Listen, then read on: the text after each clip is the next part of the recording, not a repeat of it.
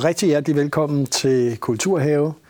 Min gæst er en stemme, som vi har sunget sammen med i fire årtier på nogle af de mest fantastiske popmelodier, der er lavet herhjemme.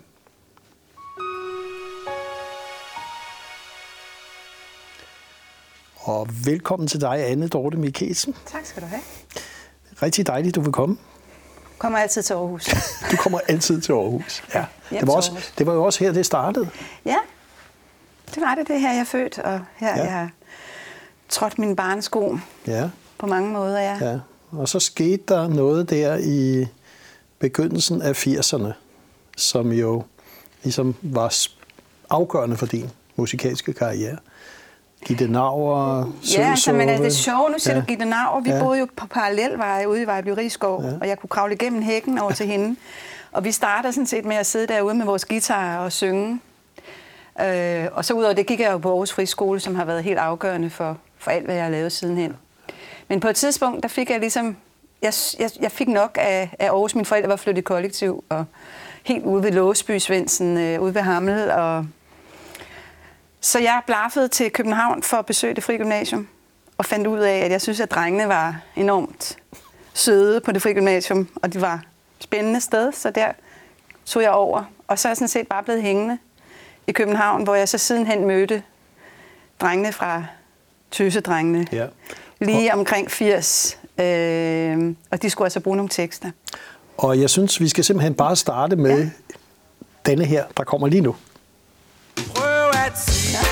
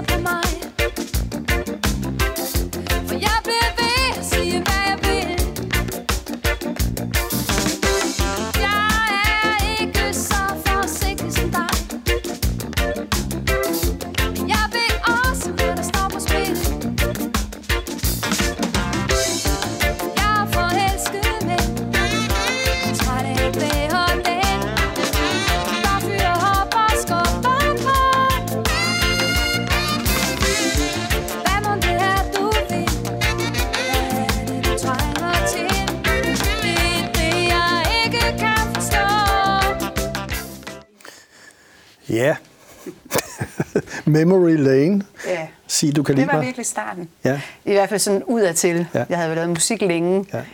på det tidspunkt, men det var det, vi, eller det jeg kom ud og blev berømt på, kan man Ja. sige. Ikke? Ja. Ja. Og det var jo en start med tøsdrengene, som jo var meget markant i, hvad var det, 4-5 år? ja, vi lavede ja. seks albums, Seks albums, ja. så vidt jeg husker. ja. Jeg er ikke en stor arkivar, Nej. men det var noget af den stil. Ja. ja. Hvad var det egentlig, tøsedrengene kunne? Tøsedrengene kunne virkelig mange ting. Altså, der var enormt mange ressourcer. Og vi kom fra vidt forskellige... Altså, jeg kom herover fra Aarhus Friskole, og de kom op fra Rungsted, fra sådan en merkantil overklasse, og Maria kom ud fra Lyngby, og Maria Bramsen. Og vi klassede ligesom ind i det der orkester omkring noget, vi sådan havde til fælles, som var noget i musikken. Og der var en fantastisk rytmegruppe, Grundbåndsfabrikken, med Jens Sivertsen og Claus Kellerup og Henrik Stali Møller, som lagde de der meget sådan stadigvæk, altså enormt, øh, stadigvæk friske ja. grundspor, altså med bass, trommer, keyboard. Og så var der nogle fantastiske komponister, også Michael Brun, Claus Kellerup. Og så var der Maria, og så var der mig, der kunne øh, skrive teksterne. Øh, og jeg skal også noget musik, men ikke, ikke særlig meget. Der var rigeligt med komponister i Tøsdrengene. Der var kamp om pladserne. Og jeg tænkte på, at vi simpelthen bare er nødt til at have en til af tøsedrengene her, ud under åben himmel, så den får vi lige her nu.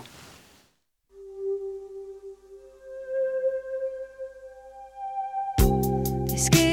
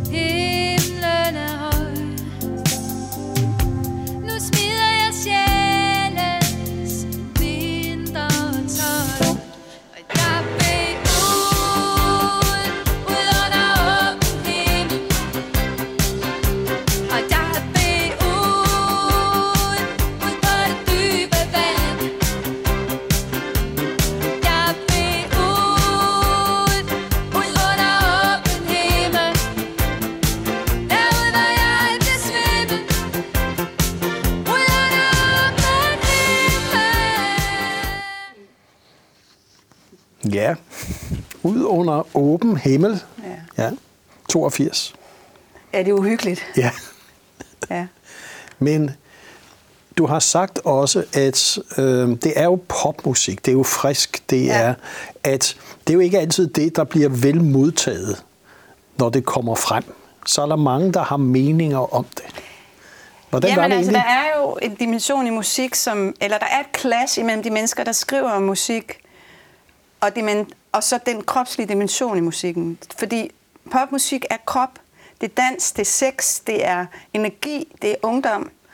Og det er ikke altid, at det er så umiddelbart, hvad kan man sige, folk, der måske søger noget mere sådan intellektuelt stimulerende, eller noget, de synes, at bryder grænser ned på en eller anden meget sådan, i mine øjne, lidt konform, avantgardistisk øh, måde. Altså egentlig er popmusik jo altid avantgarde. Popmusik er jo altid det nyeste.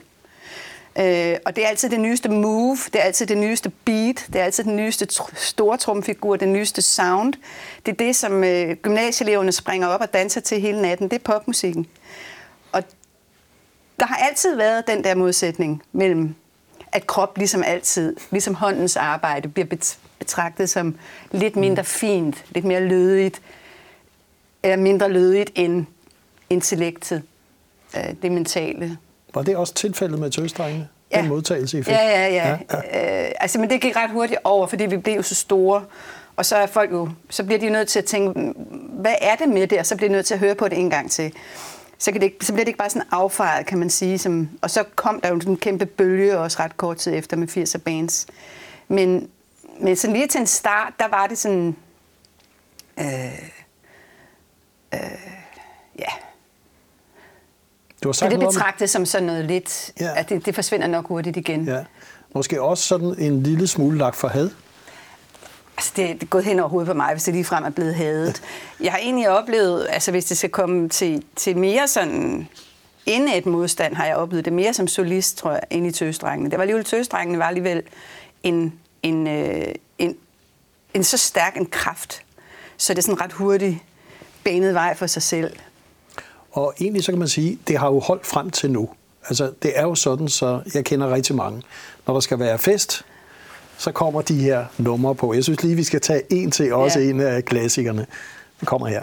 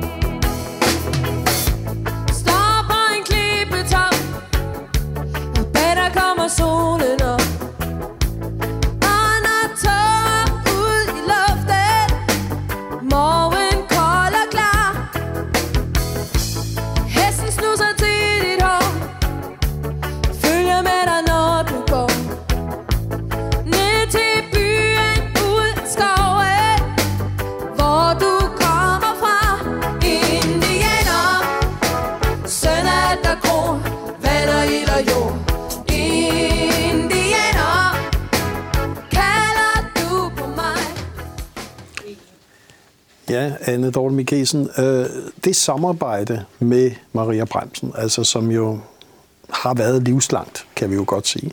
Kunne du ikke prøve at beskrive, hvad, hvad betyder det egentlig, når man møder en, som man for så vidt må svinge med på så mange forskellige måder? Jamen altså, vi var jo meget unge, mig og Maria, da vi kom Ja. ind i Tøsedrengene, og øh, Maria havde vi sådan, og Claus, Claus Kjellerup fra Tøsedrengene, vi havde set hende sådan løbe rundt i byen, og vi havde hørt hende synge, og vi synes, hun var helt fantastisk. Hun var kun 17.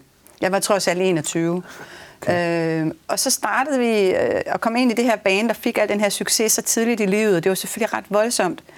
Og der var også rigtig mange øh, konflikter, kan man godt sige, i tøsdrengene. Det var sådan en, øh, virkelig sådan kludernes kamp med alle de her mænd. Og, du ved, så mig og Maria, vi sådan... Vi havde ligesom lidt et helle i vores relation. Maria, hun er også et meget rummeligt og meget, meget venligt menneske. Øh, så vi... vi øh, der var sådan en fred omkring os, og det er der sådan set stadig. Vi har jo haft en ret lang pause, hvor Maria egentlig har, hun arbejder som grafiker, egentlig har været væk fra musikscenen, og jeg har lavet alle mulige andre ting, men vi startede så op sammen igen i 13. Mm. Ja. Øhm, Men, men, og det har jo også været skønt. men inden 13, så tænker jeg, så, så bliver vi jo også nødt til, hvis vi ligesom skal have dine vigtigste øh, Ja. begivenheder, Ja. og snakke lidt om Venter på far. Ja. Hvad, hvad, hvad var det egentlig for? Altså, det var mere end bare en gruppe, ikke? Det var jo også et statement, en bevægelse. Nej, jeg ved godt, at du kalder det en bevægelse. Det var en, det var en kadre. det var, en, det var, øh, øh, det var selvfølgelig satire. Ja. og det var politisk, og det var humoristisk, og så var det popmusik, og så var det slagermusik, ja. øh, og så var det kitler og svupper og støvkoste, og et, altså, hvor vi ligesom gik ind i hele den der husmor-ting, som jo skræmte os, og som vi var vrede over at få presset ned over hovedet, men som vi samtidig også var betaget af. Alt det smukke og skønne, der ligger i, i, hu, i husarbejdet, og øhm, selvfølgelig øh, passe børn og så videre. Og det var lige, vi brugte den der dobbelthed, altså vores egen, måske anachronistiske og, og umulige længsel efter at træde ind i sådan et eller andet stivet forklæde med friske boller på, på bakken, og en mand, der sidder med pibe, og, og så, så den øh, enorme forskrækkelse, vil jeg faktisk kalde det, det var at få et barn. I hvert fald for mig. Fordi at jeg indtil da aldrig rigtig havde tænkt på, at der egentlig var forskel sådan for alvor på de omstændigheder, der er ved at være en mand og en kvinde. Øhm, og da jeg, da jeg, jeg kan huske, at jeg skulle føde, jeg ringede til min mand og spurgte, om han ikke kom hjem, og han var ved at klippe en film, så sagde han mig ikke, det plejer, der plejer at gå så lang tid, inden det bliver til noget. Kan du ikke bare tage bussen ud til mig, sagde han til mig. Der tænkte jeg sådan, what? han, mente det, altså, han mente det ikke ondt, men det var bare for at sige, at jeg var 100% i gang med at føde et barn, og han var 50% i gang med at klippe en film, og 50% i gang med at få et barn. Og sådan tror jeg nok, det fortsætter lidt. Men Venter på far blev, blev vel også, altså når jeg kalder det lidt af en bevægelse, hvis vi tænker på MeToo i dag, og, og, og hele den feministiske bevægelse, der kom Ja. senere hen, så, så kan man vel egentlig sige, at du, du var med helt fra start.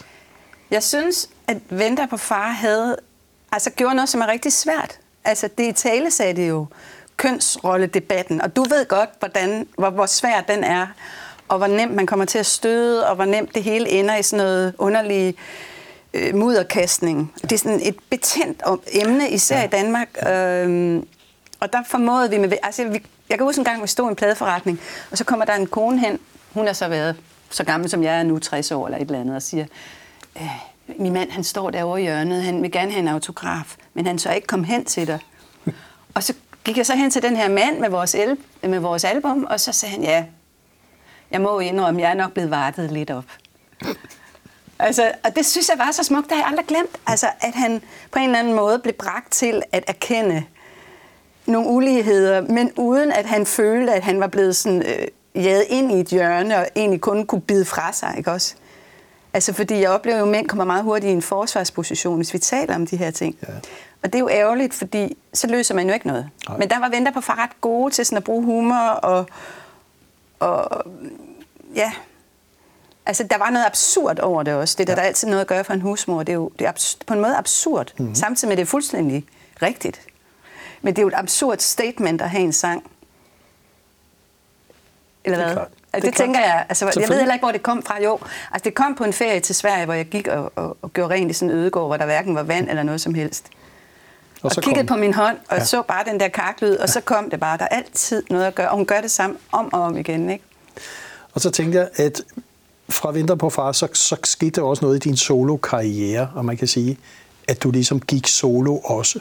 Ja, altså solo var sådan set jo på en måde inden venter Ja, på far. ja. Altså hvis man skal være helt, hvis man Ja. skal hænge sig i sådan noget kronologi. Altså jeg gik ud af tøsdrengene, mm. fordi at jeg gerne ville lave min egen sang. Ja. Og jeg havde en masse sange, jeg havde skrevet, som jeg følte skulle lidt et andet sted hen. Sådan lidt mere folk, kan man sige, agtigt materiale. Ja. Og jeg synes lige, at vi måske skal tage sådan en lille bid fra en af dine solo-ting. Kommer her.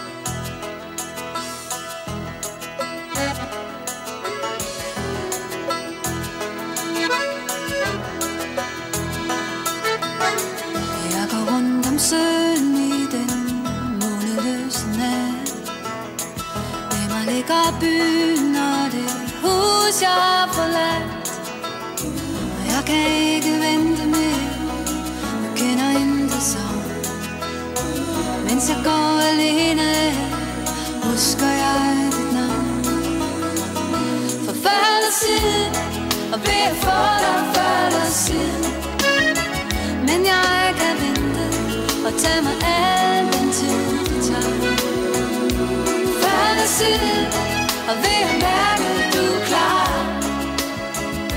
Så vil jeg give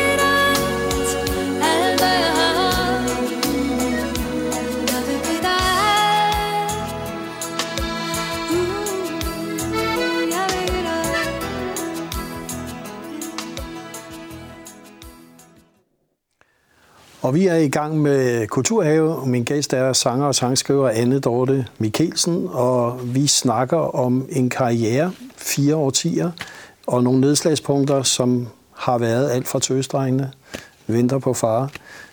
Vi så her og hørte en bid fra dine solo-projekter. Der kom vist fem af dem i alt, øh, albums, fra, fra omkring 83, 84 og så frem. Ja, så jeg har sådan set fortsat med at lave Ja. soloalbums. Jeg udgav mit sidste her i 2016. Ja.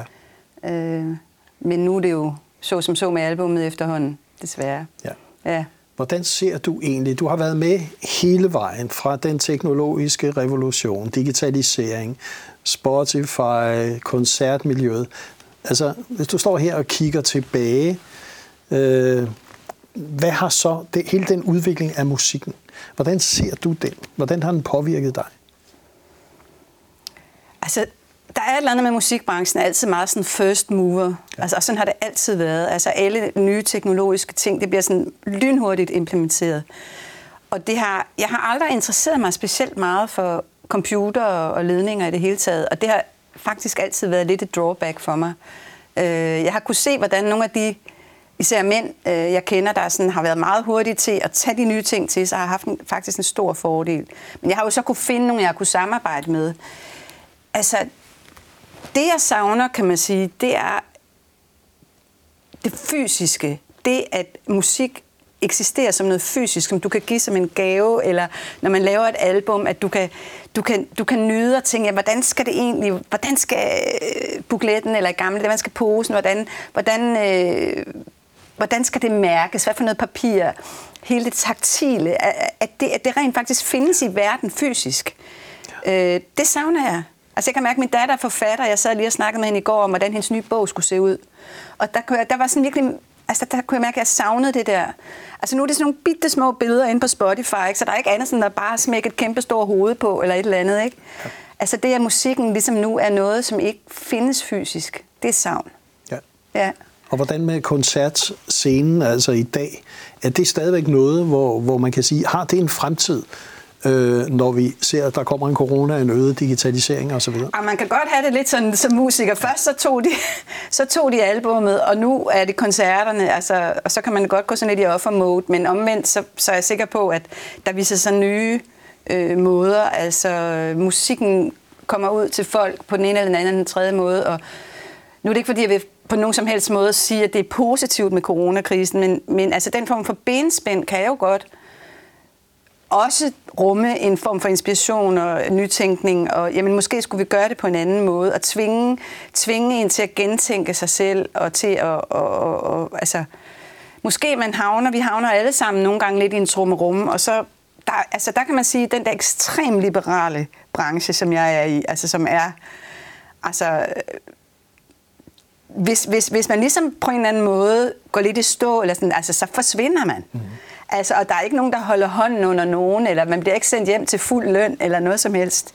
Øh, og de fleste af os har ingen pension. Og, og, og, altså, og sådan, sådan, øh, sådan er det på godt og ondt. Ja. Jeg tænkte, vi skal lige omkring, da I, du gentog samarbejdet med Maria Bremsen i 13, og så kan man sige, kom der i 2019 en helt almindelig mand. Ja, Og den synes jeg lige, vi skal se en ja det lille. er en MeToo-sang. Ja. ja.